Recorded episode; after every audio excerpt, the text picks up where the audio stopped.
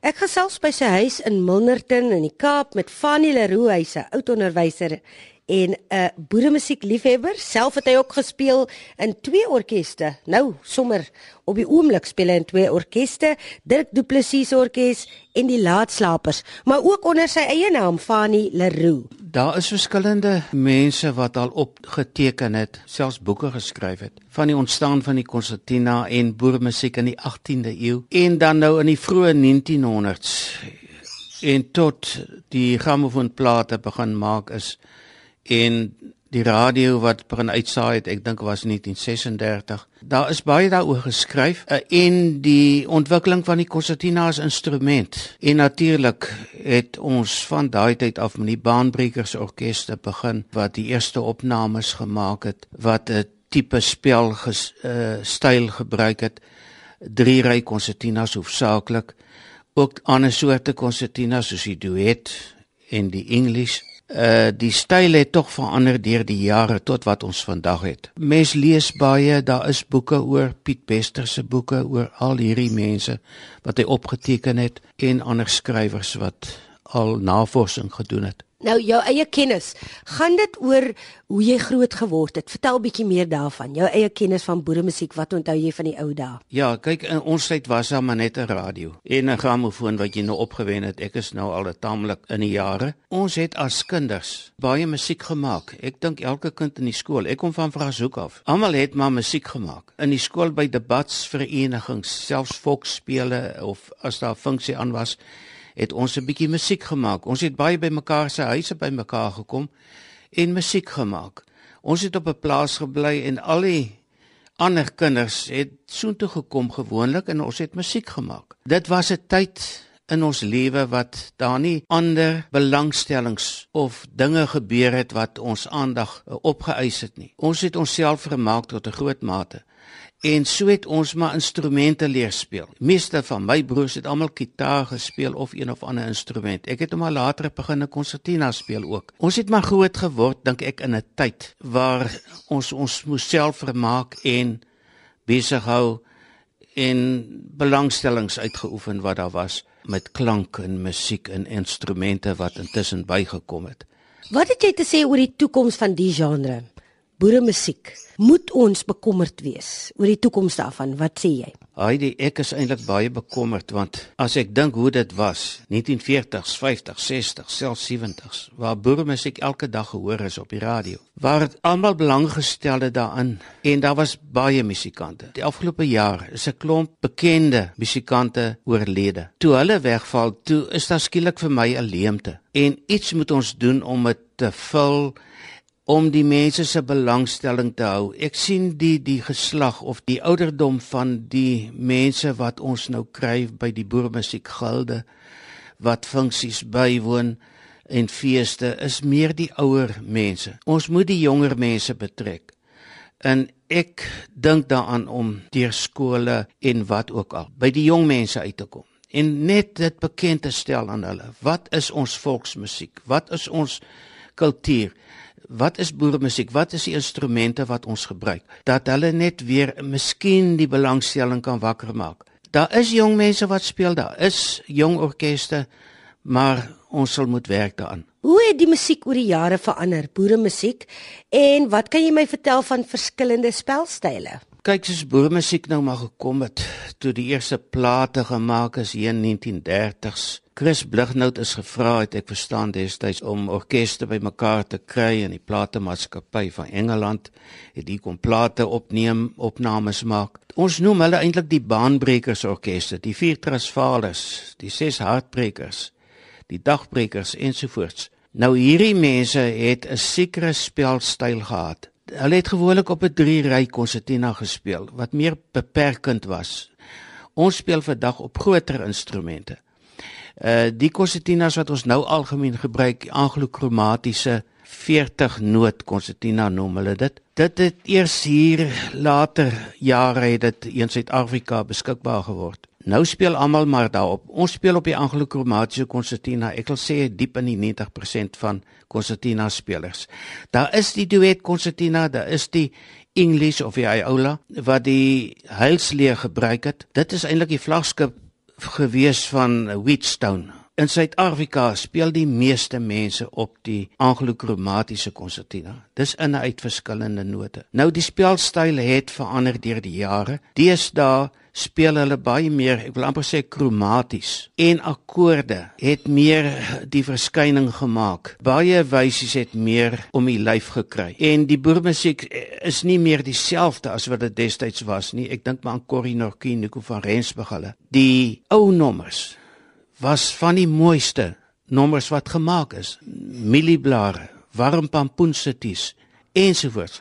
Dit was nommers met smaak. Dit was mooi melodieus. Alles was goed gedoen.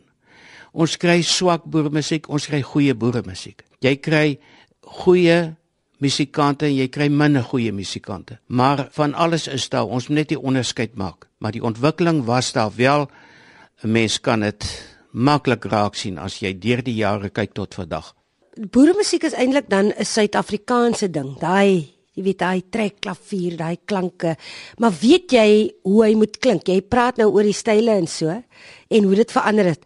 Kan jy onmiddellik hoor as iemand byvoorbeeld speel as hy 'n fout maak of as hy 'n slegte speler is? Wat maak hom 'n slegte speler? Dis 'n moeilike vraag. Uh 'n mens behoort dit musikaal korrek te speel en daar's 'n wysie. Ons speel op gehoor gewoonlik in boeremusiek. Maar ek sê jy moet die wyse korrek speel. Jy kan verbeter daarop. Maar die komponis moet jy darm kan korrek speel. Sommige is beter as ander. Ons almal ergens op 'n leer. Die goeies is bo. Maar uh, mens kan darm hoor as iemand kan speel of nie kan speel nie of hy sy instrument kan 'n uh, baas geraak het of nie. Dit is maar algemene kennis. As jy vir 'n leek van nie moet verduidelik wat boeremusiek is. Wat sou jy vir hulle sê? Jy vra my vas. Ek eh, kyk elke land het maar sy volksmusiek het ek verstaan. In Ierland het hulle ook speel ook konsertina. Hulle kom ook so by mekaar en hulle speel hulle wysies. Maar ons ken hulle manier van speel met die viool en dan ook konsertina wat die nootjies so vinnig op mekaar volg. Nou ons musiek het maar ontstaan van die Europese musiek af.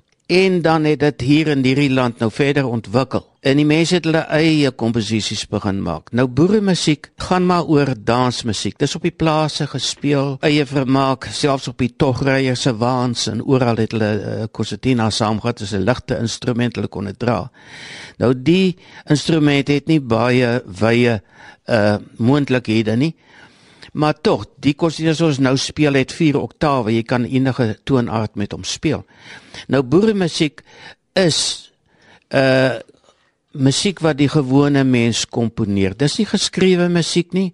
Dit is nie vreeslike ingewikkelde klassieke tipe musiek nie. Dis ook nie net altyd 3 akkoorde nie. Daar is meer in. Maar dit is eenvoudige musiek vir dans bedoel. Sitiese, polkas, vastrappe, walse ensovoorts wat eh, dit uit bestaan. Nou dis die ritmes, maar hoofsaaklik maar vir dans bedoel. Daar's baie instrumente wat nou elektronies ook is wat dit interessanter maak. Maar dit gaan maar om dansmusiek dink ek. Lekker te daarvan. Lekker luister, lekker saam speel, saam dans. Ja natuurlik die konsertina is maar die hoofinstrument by boeremusiek in 'n boereorkes. Daar is orkeste wat nie 'n konsertina het nie, maar deur die jare was dit gedraai om die konsertina. Jy sê jy speel nog steeds na alle jare, bietjie minder, bietjie meer.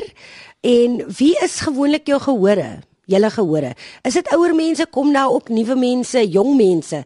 Luister deesdae. Kyk, vroeë jare het ons baie gespeel. Toe was boeremusiek nog baie gewild. Orkeste het oral gespeel, elke week by elke hotel of funksie troues het ons baie gespeel. Ek het lanksaam met Ombyni Rees gespeel, vioolspeler. Ons het vreeslik baie opgetree. Dit het alles getaan en minder geword vandag.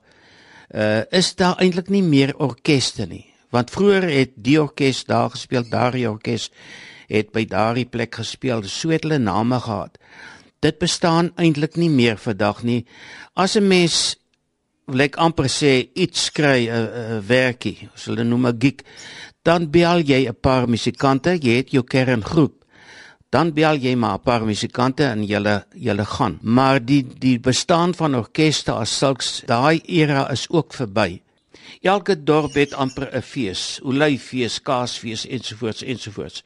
As 'n mens net by die feeskomitee kan sê hier is 'n orkes vir musiek, dat 'n mens net begin inskakel dat ons meer sigbaar word, dan sal dit al klaar 'n groot stap vorentoe wees. Wanneer wat sê jy sê is jou ander wense? Ja, dit is natuurlik 'n st ander storie. Ons is besig om ook opnames te maak by mense met staaltjies en stories uh, oor musikante. Dit gaan nou maar oor boere musiek. Orkeste. Uh storieetjies wat interessant is, verhaaltjies wat ons kan opteken en dan te boek stel. Uh Fanny Leroux, klein lettertjies, een woord @mweb.co.za. Fanny, jy moet seker jou eie gunsteling treffers ook het. Jy weet wat regtig jou na in die hart lê. Ons sit nou hierso by jou CD-speler. Gee my so 'n voorsmaakie van een van jou gunsteling nommertjies. Ek dink dis 'n Corrie Norke nommertjie, vertel gou meer. Ja, kyk, hier's groot musikante wat baie bekend is. Ek is lief vir baie van hulle musiek. Mani Bodenstein, Nico van Rensburg ensovoorts ensovoorts. Corrie Norke was vir my net een van die wat sy spelstyl was anders as die andersin. Hy's 'n verskriklike goeie musikant en hy het pragtige nommers gekomponeer, musikaal baie mooi en interessant. En ek wil vir julle een speel waarvan ek nogal baie hou, dit is Langkrans Vastrap van Corrie. Ek vermoed dit is 'n ouer nommer dat dit dalk nie sy eie nommer is nie, maar hy gaan maar deur as Corrie se nommer.